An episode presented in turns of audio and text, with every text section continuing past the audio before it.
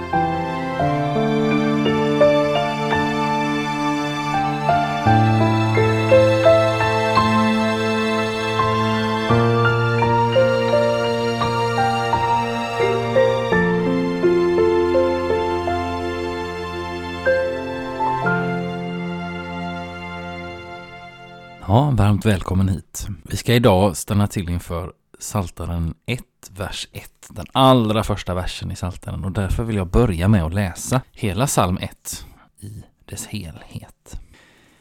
Lycklig den som inte följer det gudlösa, inte går syndares väg eller sitter bland hädare, utan har sin lust i Herrens lag och läser den dag och natt. Han är som ett träd planterat nära vatten det bär sin frukt i rätt tid, aldrig vissnar bladen. Allt vad han gör går väl. Inte så med det gudlösa. Det liknar agnar som vinden för bort. Där fördöms det gudlösa där rätten råder och syndarna i det rättfärdigas krets. Herren är med på det rättfärdigas väg, men det gudlösas väg leder till intet. Och vi ska idag stanna till inför den allra första versen i den här salmen, så jag läser den en gång till. Saltaren 1, vers 1. Lycklig den som inte följer det gudlösa, inte går syndares väg eller sitter bland hädare. Ja, den som har fått uppdraget att vägleda andra, till exempel föräldrar och lärare, behöver använda både ordet ja och ordet nej. Både uppmaningen gör och uppmaningen gör inte. Annorlunda uttryckt, den som har fått uppgiften att vara någon annans vägvisare behöver både peka ut den väg som är rätt och varna för de vägar som är fel. Och på samma dubbla sätt arbetar Guds ord, Bibeln, när det vägleder den som läser. Genom att både visa den rätta vägen och uppmuntra människor att följa den och genom att visa på de andra vägarna och varna för dem. Det är på det senare sättet som ordet arbetar här, i Saltarens allra första vers. Genom att visa oss vad vi inte ska göra. Vi ska inte följa de gudlösa, inte gå syndares väg, inte sitta bland härdare.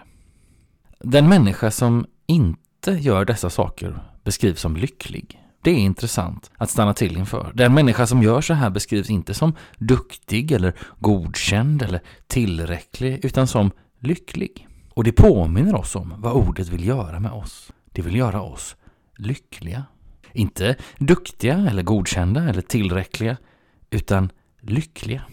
Lyckliga på djupast möjliga sätt. Lyckliga i, genom och utifrån tron på Gud.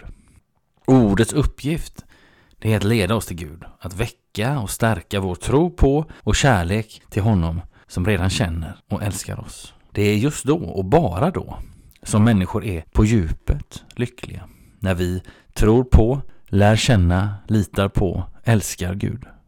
När vi tror, finner och lär känna honom som redan känner oss.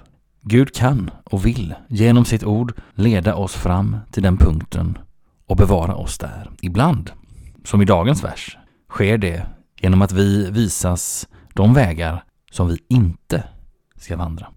Varje gång ordet visar och varnar oss för de felaktiga vägarna så är det gott för oss att stanna till inför och reflektera över att det också finns en väg som är den rätta.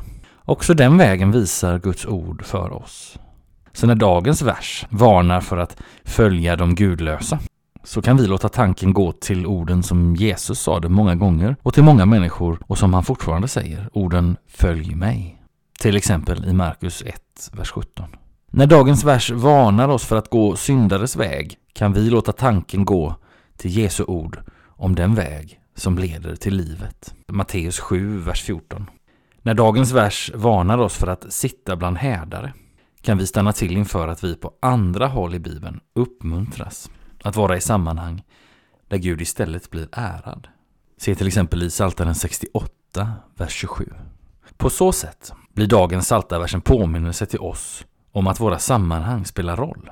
Lycklig den som får vara med i ett sammanhang där man blir hjälpt och uppmuntrad till att ära Gud.